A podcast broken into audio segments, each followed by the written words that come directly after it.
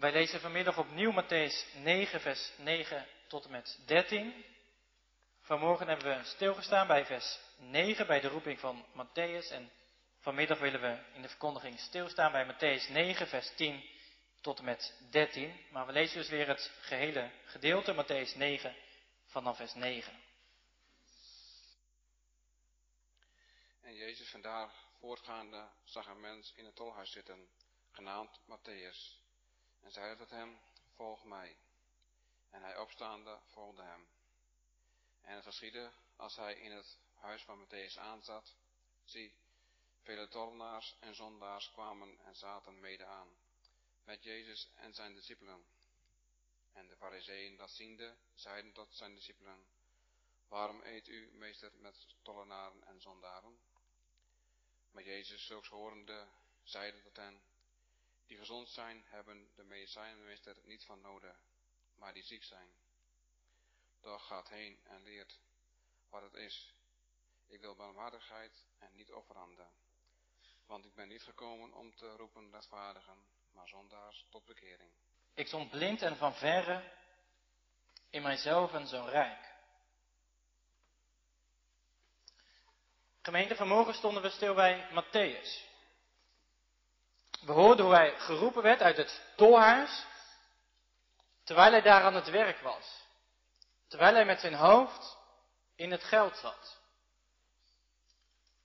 De Heer Jezus had hem zo krachtig geroepen dat hij opstond en de Heer Jezus ging volgen.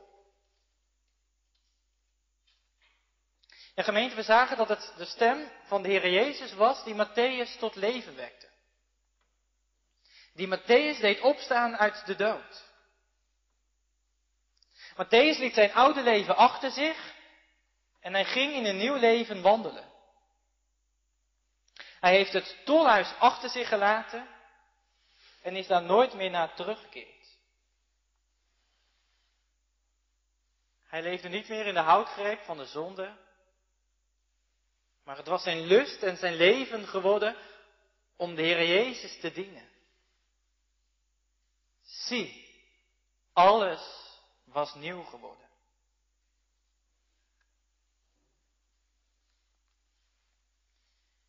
Ja, gemeente, dit is toch wat we vanmorgen zagen.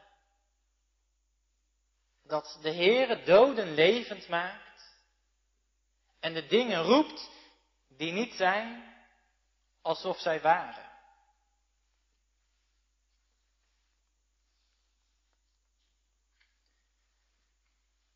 Vanmiddag komen we Matthäus opnieuw tegen.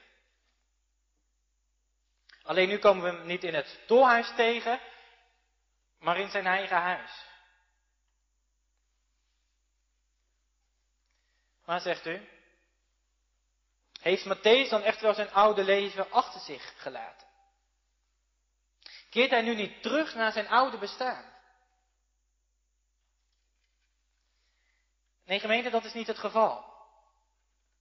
Matthäus heeft echt zijn oude leven achter zich gelaten. Hij is niet teruggekeerd naar zijn oude bestaan. Hij heeft het tolhuis achter zich gelaten. En nu treffen we hem daar niet aan, maar nu treffen we hem aan in zijn eigen huis. Ziet u dat? Daar is niet alleen Matthäus, maar daar is ook de Heer Jezus.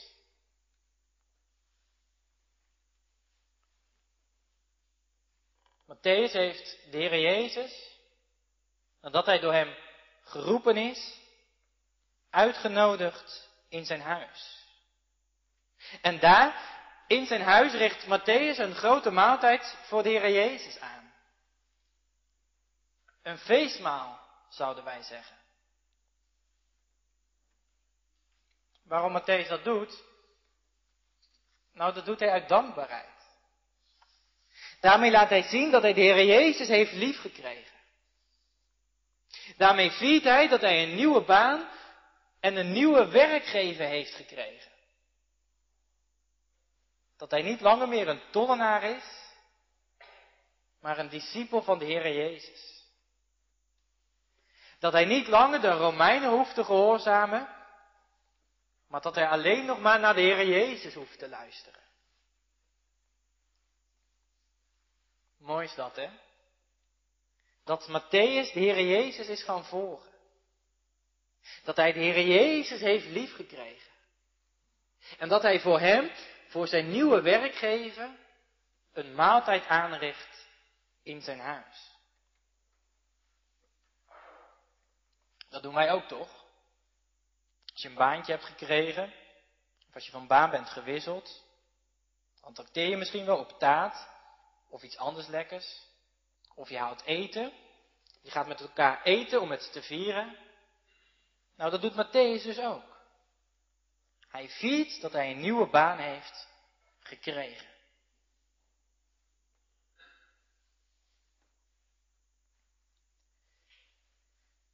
Maar gemeente in het huis van Matthäus zien we niet alleen de Heer Jezus en Matthäus zitten.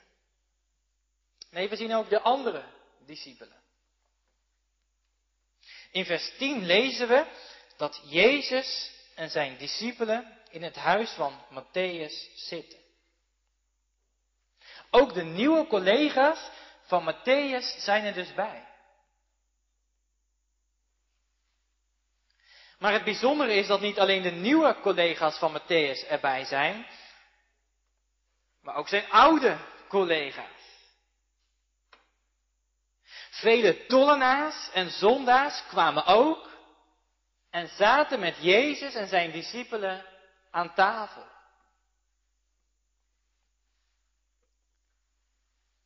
Waarom zij ook kwamen? Nou, blijkbaar wilde Matthäus dat ook zij de Heer Jezus zouden leren kennen. Dat ook zij zouden zien hoe bijzonder de Heer Jezus is. Dat ook zij de Heer Jezus zouden gaan volgen. Gemeente, dat laat wel iets belangrijks zien. En ik hoop dat u dat in uw leven herkent. Het laat zien dat als je de Heer Jezus hebt leren kennen, als je Hem hebt liefgekregen, dat je dan ook graag wil dat anderen Hem leren kennen. Dat je dan ook graag wil dat je vrienden, je familie, je collega's de Heer Jezus lief krijgen. Zo was het dus bij Matthäus. Hij wilde dat ook zijn oude collega's hun oude bestaan achter zich zouden laten. En de Heer Jezus zouden gaan volgen. Kent u dat verlangen van Matthäus? Heeft u ook de Heer Jezus lief gekregen? En wilt u ook dat anderen Hem lief krijgen?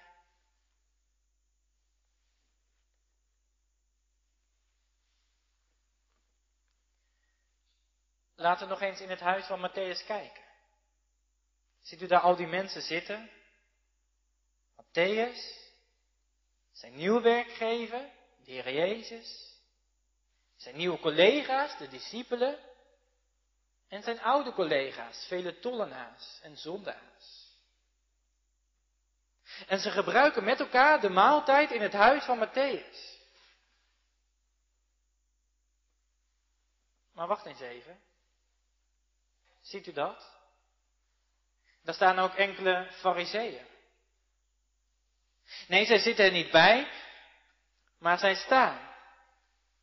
Zij zijn niet bij de maaltijd, maar ze kijken op een afstandje toe, terwijl Jezus en zijn discipelen met de tollenaars en de zondaars eten. Het is zoals McChain het verwoordt. Ik stond blind en van verre in mijzelf zo rijk. Ja, ze staan op een afstandje. Ze kijken toe. En wat zij zien, roept grote ergernis bij hen op. Ze zien dat de Heer Jezus zich begeeft te midden van tollenaars en zondaars. Ja, zij zien zelfs dat hij met hen eet.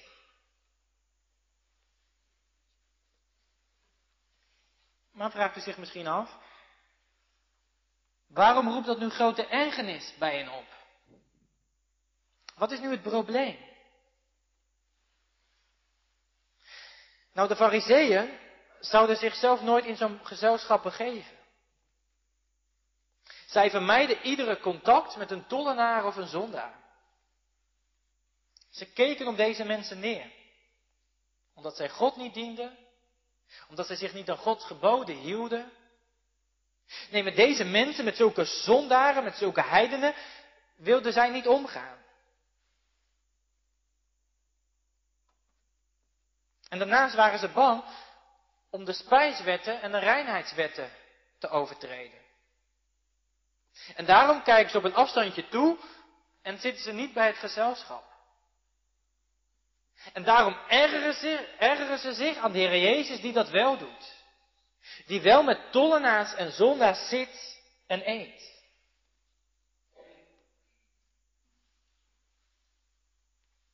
En daarom vragen ze het aan de discipelen, waarom eet uw meester met de tollenaars en de zondaars? Waarom begeeft uw meester zich te midden van deze slechte mensen?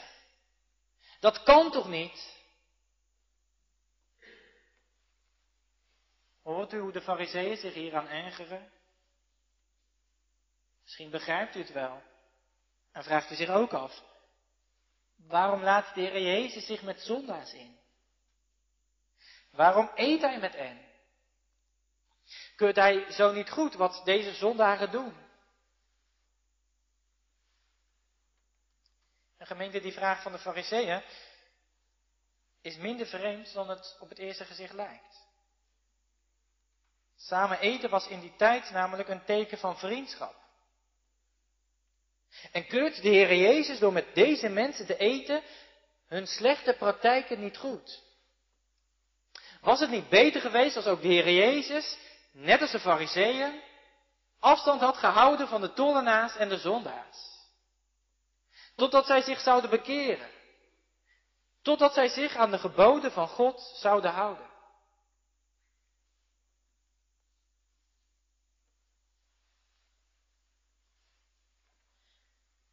Het is waarschijnlijk wel opgevallen dat de fariseeën hun vraag niet aan de Heer Jezus stellen, maar aan zijn discipelen. Maar het is u dan waarschijnlijk ook opgevallen dat de Heer Jezus deze vraag wel hoort en zelf antwoord geeft. Hoort u maar wat hij zegt. Die gezond zijn, hebben de medicijnmeester, de dokter niet nodig, maar die ziek zijn. Wat bedoelt de Heer Jezus als hij dit zegt? Jongens en meisjes, dat is eigenlijk heel simpel. De Heer Jezus zegt dat gezonde mensen geen dokter nodig hebben, maar zieke mensen, ja, die hebben wel een dokter nodig. Ja, want wanneer ga je naar de dokter? Als je ziek bent, toch? Of als je bijvoorbeeld je arm hebt gebroken, of als je ergens anders last van hebt. Maar je gaat in ieder geval niet naar de dokter als je gezond bent. Dan heb je geen dokter nodig. Dan gaat alles goed en kun je de huisarts voorbij lopen. Je gaat pas naar de dokter als je ziek bent.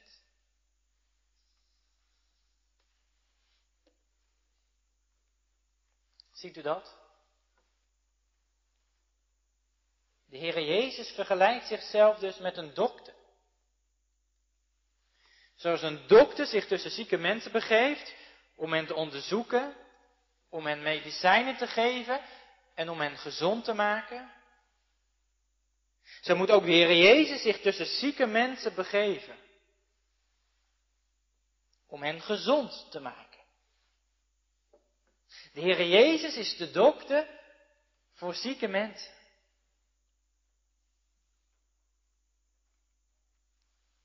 Wie zijn er dan ziek?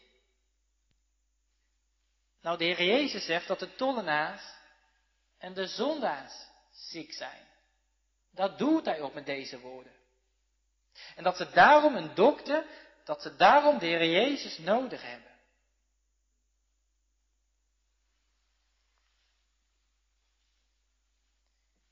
Beseft u het? De Heer Jezus zit dus niet met tollenaars en zondaars aan om hun slechte praktijken goed te keuren, maar om hen uit hun slechte praktijken te trekken, om hen gezond te maken.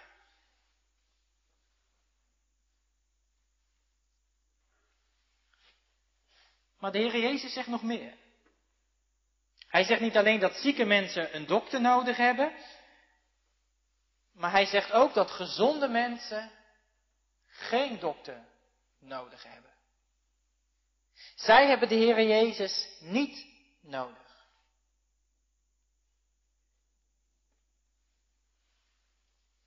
Deze woorden doet de Heer Jezus op de Fariseeën. De Heer Jezus zegt van hen dat zij gezond zijn en dat zij geen dokter nodig hebben. Dat zij de Heer Jezus niet nodig hebben.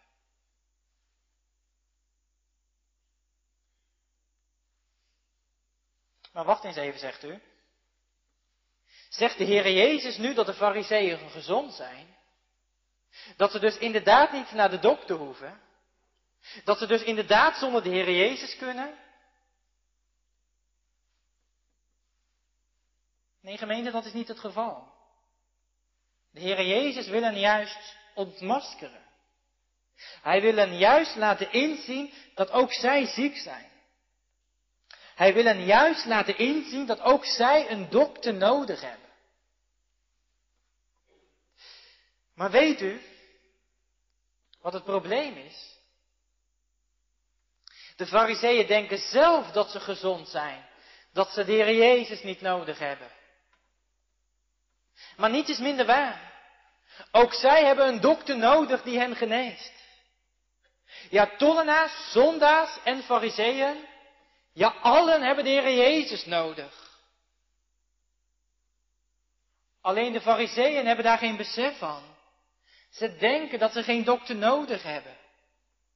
En ze zullen pas naar de dokter gaan als ze beseffen dat ze ziek zijn.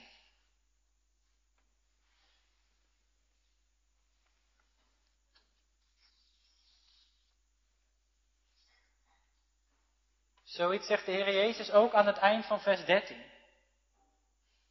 Daar zegt hij dat hij niet gekomen is om rechtvaardigen tot bekering te roepen, maar zondaars.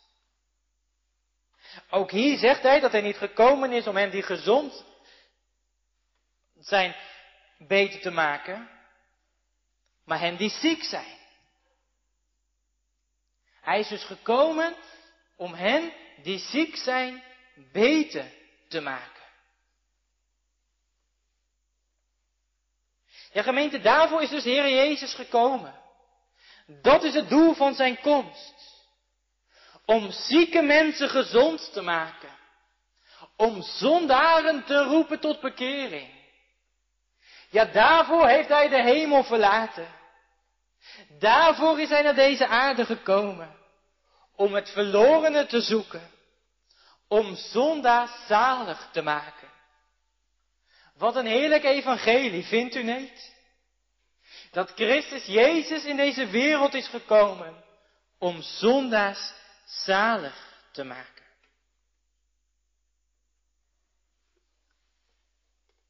Nou, dat hebben we vanmorgen gezien, hè?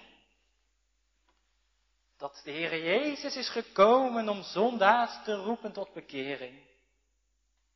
Dat hij Matthäus, een zondaar, die in het tolhuis zat, riep. Dat Matthäus zijn oude leven achter zich liet en in een nieuw leven is gaan wandelen. En nu, nadat de Heer Jezus Matthäus geroepen heeft, begeeft hij zich te midden van zondaars. Niet omdat hij hun slechte praktijken goedkeurt, maar om hen tot bekering te roepen. En gemeente, hier zien we wie de Heer Jezus is. Dat Hij een zaligmaker is van zondaars.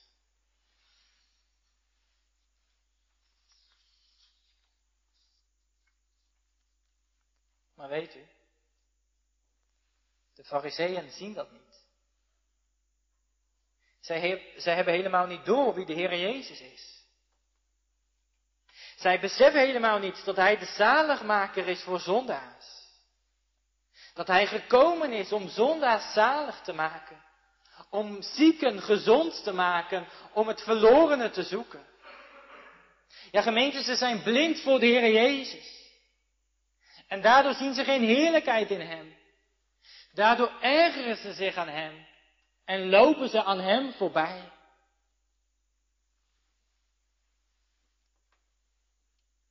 Ze hebben geen oog voor wie de Heer Jezus is, omdat ze geen oog hebben voor wie zij zelf zijn.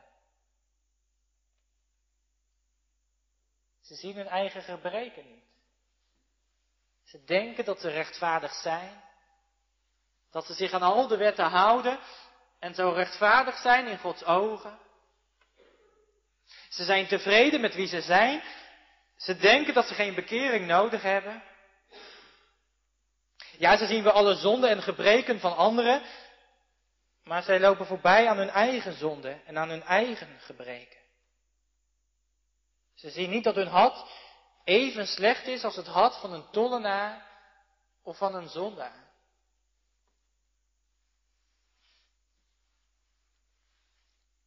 En daarom zegt de Heer Jezus tegen hen, door gaat heen en leert wat het is. Ik wil barmhartigheid en niet offeranden. Ik heb liever barmhartigheid dan een offer. Deze woorden komen we eerder in de Bijbel tegen. In Hosea. Daar zegt de Heer het tegen het volk Israël. En nu gebruikt de Heer Jezus deze woorden. Daarmee laat hij zien dat hij God is. Dat hij de zoon van God is. Maar zegt u, wat zegt de Heer Jezus nu met deze woorden? Nou, hij zegt, kijk, een mens kan wel een offer brengen, stipt volgens de regels bereid, maar wat als er ondertussen geen liefde is tot de Heer?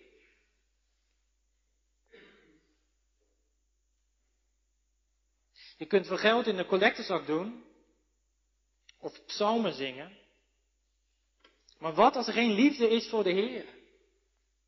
Wat als je hand er niet bij is? Daar wil de Heer Jezus de Fariseeën op wijzen. Het ontbreekt jullie aan warmhartigheid. Als jullie dat wel zouden hebben, dan zouden jullie net als mij deze zondaars lief hebben. Het ontbreekt jullie aan de liefde tot de Heere en aan de liefde tot de naaste. Jullie hart is er niet bij. Ja, jullie denken geen bekering nodig te hebben, maar dat hebben jullie wel. Jullie hebben een nieuw hart nodig. Ja, van de buitenkant lijkt het wel wat, maar van binnen is het een grote zondige rommel. Zo zegt de Heer Jezus dat in Matthäus 23. Wee u, schriftgeleerden en fariseeën, huigelaars, want u bent als de wit gepleisterde graven, die van buiten wel mooi lijken, maar van binnen zijn ze vol doodsbeenderen en allerlei onreinheid.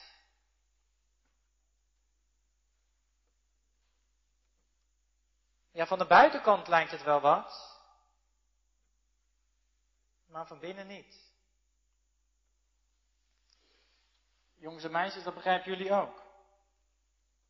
Als je moeder aan je vraagt of je je kamer wil opruimen, en je gaat naar je kamer, en je propt vervolgens alle rommel, alle vieze kleren, en alle propjes papier in de kast, en je duwt de deur van de kast dicht, ja, dan ziet je kamer er opgeruimd uit. Maar ja, dat is het niet, hè. Van de buitenkant lijkt het wel opgeruimd. Maar van binnen is het nog een rommel. Nou, zo was het dus bij de fariseeën. Van de buitenkant leek het wel wat, maar van binnen was het niet. Ze hadden een zondig hart, een verdorven hart. En zo'n hart gemeente hebben wij allemaal. Ja, je denkt misschien dat je heel zwaar bent, heel godsdienstig, heel recht in de leer. Maar als het alleen de buitenkant is, dan is het in de ogen van God zo licht als hop. Het stelt niets voor.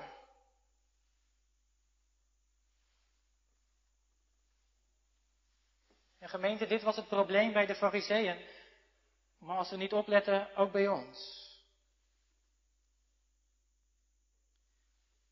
Dat ze aan hun godsdienst genoeg hadden. En daardoor God niet nodig hadden.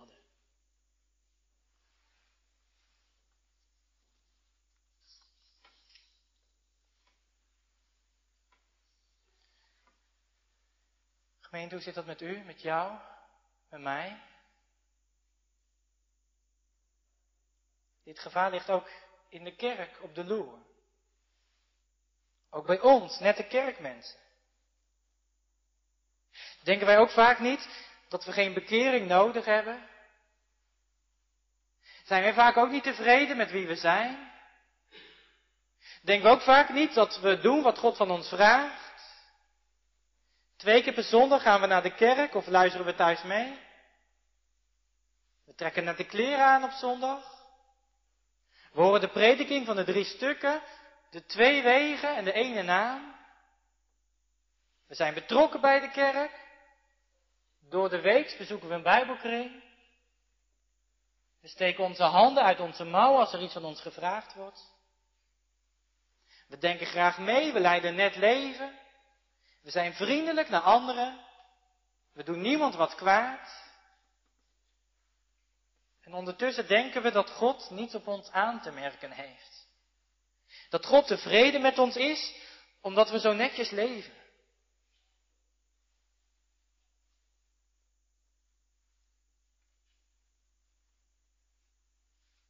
Maar gemeente, als het alleen maar uiterlijke godsdienst is,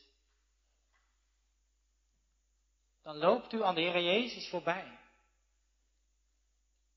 Dan denkt u dat u zonder Hem voor God kan bestaan. Dat u rechtvaardig bent in uzelf. Dan ziet u niet wie Hij is. Dat Hij een zaligmaker is van zondaren. Dan is het geen rijke Christus en een arme zondaar. Maar dan is het een rijke zondaar en een arme Christus. Ja, gemeente, laten we dit niet vergeten. Dat als je iedere zondag in de kerk zit, als je alle door de weekse activiteiten bijwoont, als je voor de buitenwereld heel netjes leeft, maar je het geloof in Christus mist, dat je dan verloren bent. En dat als je blijft wie je bent, je eeuwig verloren gaat.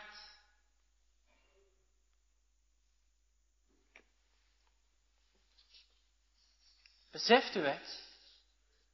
We hebben bekering nodig. Wij allemaal.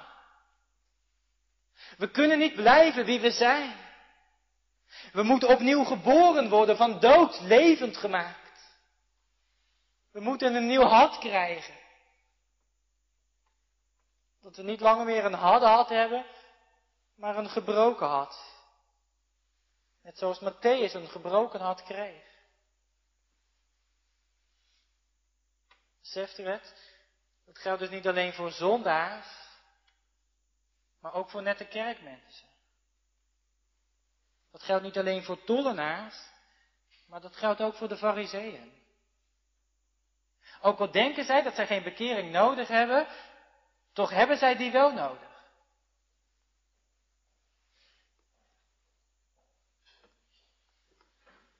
Ja, gemeente, wat heeft de Heer Jezus zijn handen eraan vol om fariseeën, om nette kerkmensen te bekeren. U kent die uitdrukking waarschijnlijk wel. Het is een christelijk werk om een heiden te bekeren. Maar het is een heidens werk om een christen te bekeren. Matthäus was zo opgestaan. Hij was de Heer Jezus gelijk gaan volgen. Maar de fariseeën dachten dat zij geen bekering nodig hadden. Dat ze al bekeerd waren. Zij stonden blind en van verre. In zichzelf zo rijk.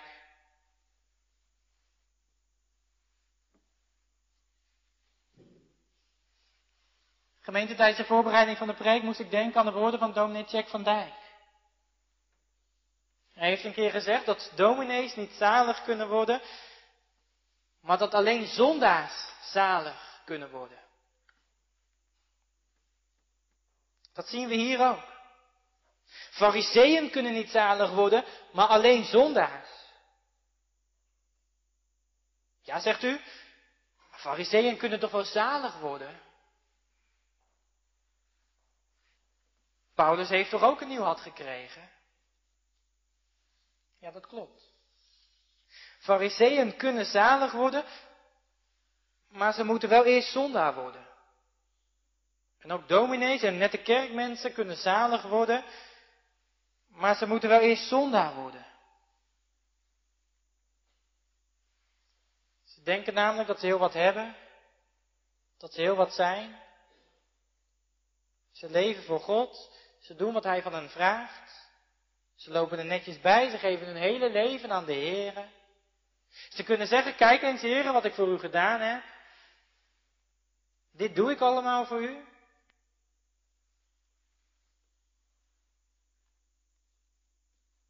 Maar het gevaar is dat ze nog steunen op iets van zichzelf. Dat ze denken dat ze wat moeten hebben om bij God in aanmerking te komen. Dat er eerst een aanknopingspunt moet zijn voordat God hen genade kan schenken. En gemeente, dat zit van nature in ons allemaal. Dat we denken dat we iets moeten zijn. Dat we denken dat we iets moeten hebben waarop God kan aanhaken. Waardoor de Heer ons niet voorbij loopt. Dan worden we bijvoorbeeld heel actief in de kerk. Zodat als de Heer ons ziet, Hij het wel moet zeggen. Zo, jij bent goed bezig. Kom binnen. Ja, dan proberen wij, om, om, proberen wij onszelf omhoog te werken. Het kan ook op een hele gereformeerde wijze. Dat we denken dat we eerst zonnekennis moeten hebben, zodat we het aan de Heeren kunnen aanbieden. Kijk eens, Heren, wat ik heb. Maar weet u, dan bent u nog niet ontdekt aan wie u bent dan heeft u nog geen zonnekennis. Zonnekennis betekent niet dat u iets hebt, maar dat betekent dat u niets hebt.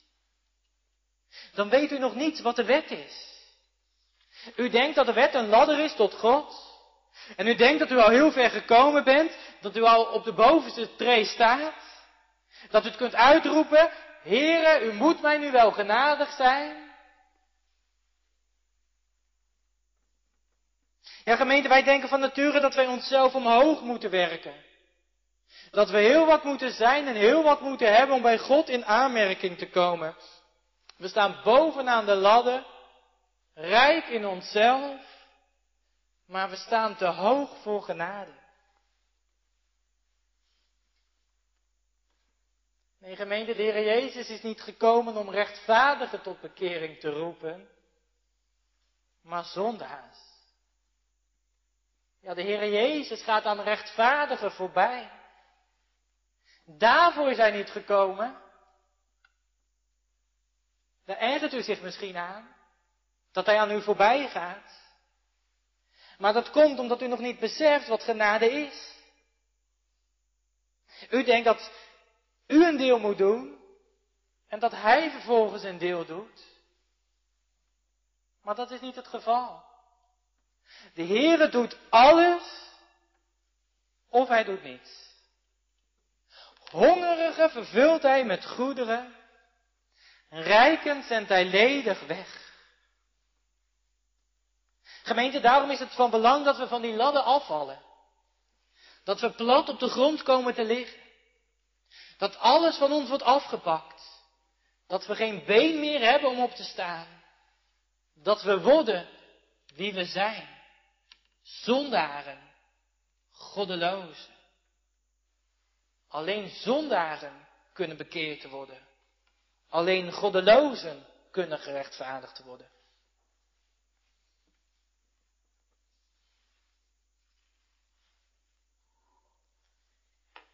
Gemeente, ziet u het?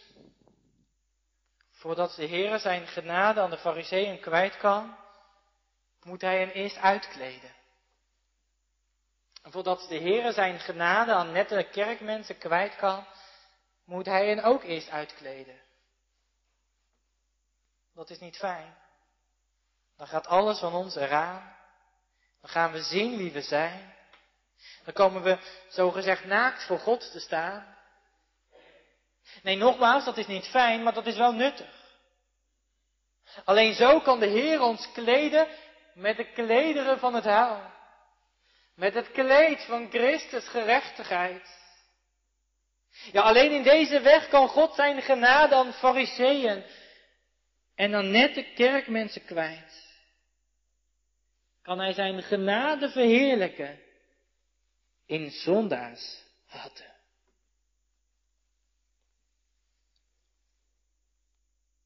Beseft u het inmiddels? Je kunt niet te laag zitten voor genade, maar je kunt wel te hoog zitten voor genade. Matthäus stond niet te hoog voor genade. Hij zat. Maar de fariseeën stonden wel hoog, te hoog voor genade. Je kunt dus nooit te slecht zijn voor de Heer Jezus, maar wel te goed. Wanneer zit je te hoog? Wanneer denk je te goed? Als je denkt dat je de Heer Jezus niet nodig hebt. Als je denkt dat je geen genade nodig hebt. Als je denkt dat je geen bekering nodig hebt en zo aan de Heer Jezus voorbij leeft. Wat zou dat erg zijn? Als u denkt dat het met u wel goed zit en dat het met u wel goed komt. Als u denkt dat u de Heer Jezus niet nodig heeft, dat u nog op uw eigen benen kunt blijven staan. Als u niet beseft dat u ziek bent en u aan deze dokter voorbij leeft. Als u niet weet dat u ellendig, beklagenswaardig, arm, blind en naakt bent. Ja, als u dat vanmiddag denkt, dan moet, ik dat tegen, dan moet ik tegen u zeggen dat u dat wel bent. Ook al ziet u het niet. U bent ziek. U heeft een dokter nodig. Ja, dan wijst de Heer Jezus u vanmiddag op uw wond. U bent ziek. Uw hart is verdorven. U heeft een dokter nodig en ik ben die dokter. Niemand anders dan ik kan u genezen. Denk toch niet dat je gezond bent. Dat je mij niet nodig hebt. Maar wend u tot mij en wordt behouden.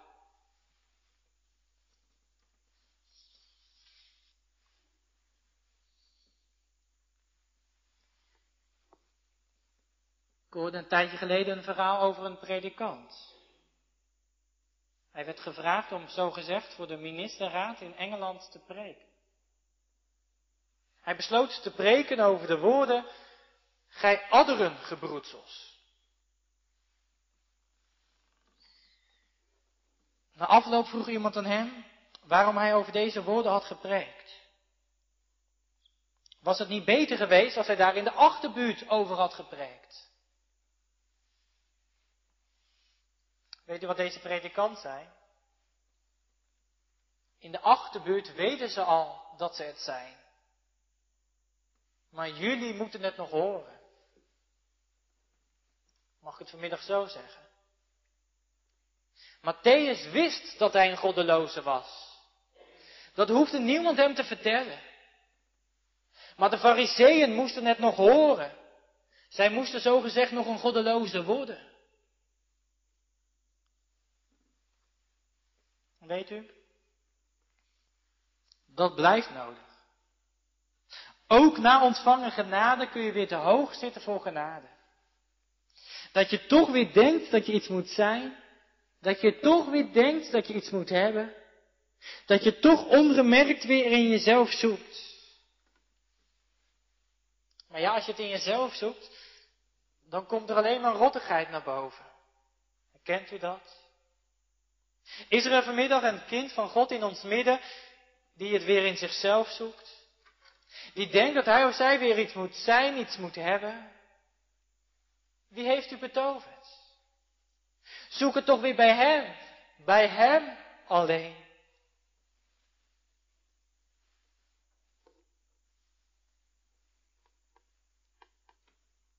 Gemeente, de geschiedenis van de roeping van Matthäus leert ons dat de Heere uit genade roept. Dat de Heer Jezus geen mensen roept omdat ze iets zijn of omdat ze iets hebben, maar uit genade. Dat hebben we gezien. Matthäus had geen aanknopingspunten. De enige mensen in deze geschiedenis die aanknopingspunten hadden, waren de fariseeën. Maar zij moesten zichzelf eerst leren kennen. Zij moesten nog leren wat genade is.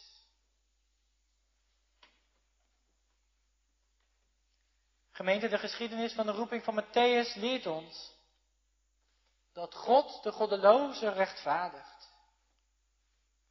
Weet u, daar ontstaat het geestelijk leven. Het leven met de Heere. Daar waar God de goddeloze rechtvaardigt. Daar waar de oude mens met Christus sterft en de nieuwe mens met Christus opstaat. Ja, daar gaat de mens voor God leven. Gaan ze in een nieuw leven wandelen. Zie, alles is nieuw geworden.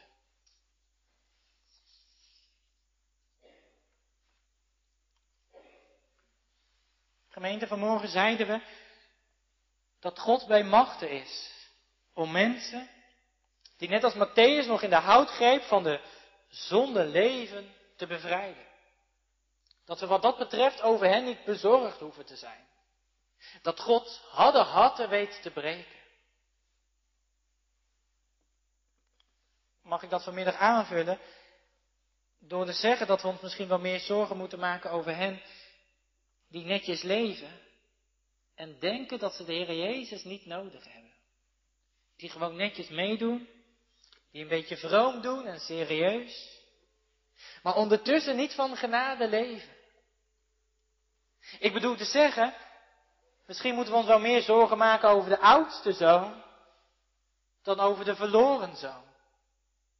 Zeker als we beseffen dat het evangelie voor onwillige mensen is, voor goddelozen, voor vijanden. Een verloren zoon hoeft dat niet te worden, maar een oudste zoon wel.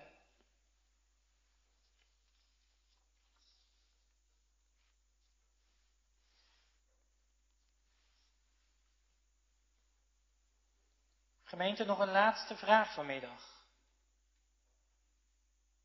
Het thema was, ik stond blind en van verre in mijzelf zo rijk. Mag ik eens aan u vragen, waarin bent u rijk? In uzelf of in de Heere Jezus? De fariseeën waren rijk in zichzelf. Zij steunden op zichzelf, op hun eigen werken. Maar Matthäus was rijk geworden in de Heere Jezus. Hij kon het zeggen, nu ken ik de waarheid zo diep als gewis. Dat Christus alleen mijn gerechtigheid is. Weet u dat? Dat Christus alleen uw gerechtigheid is? Dan is het goed ja, dan is het eeuwig goed. Amen.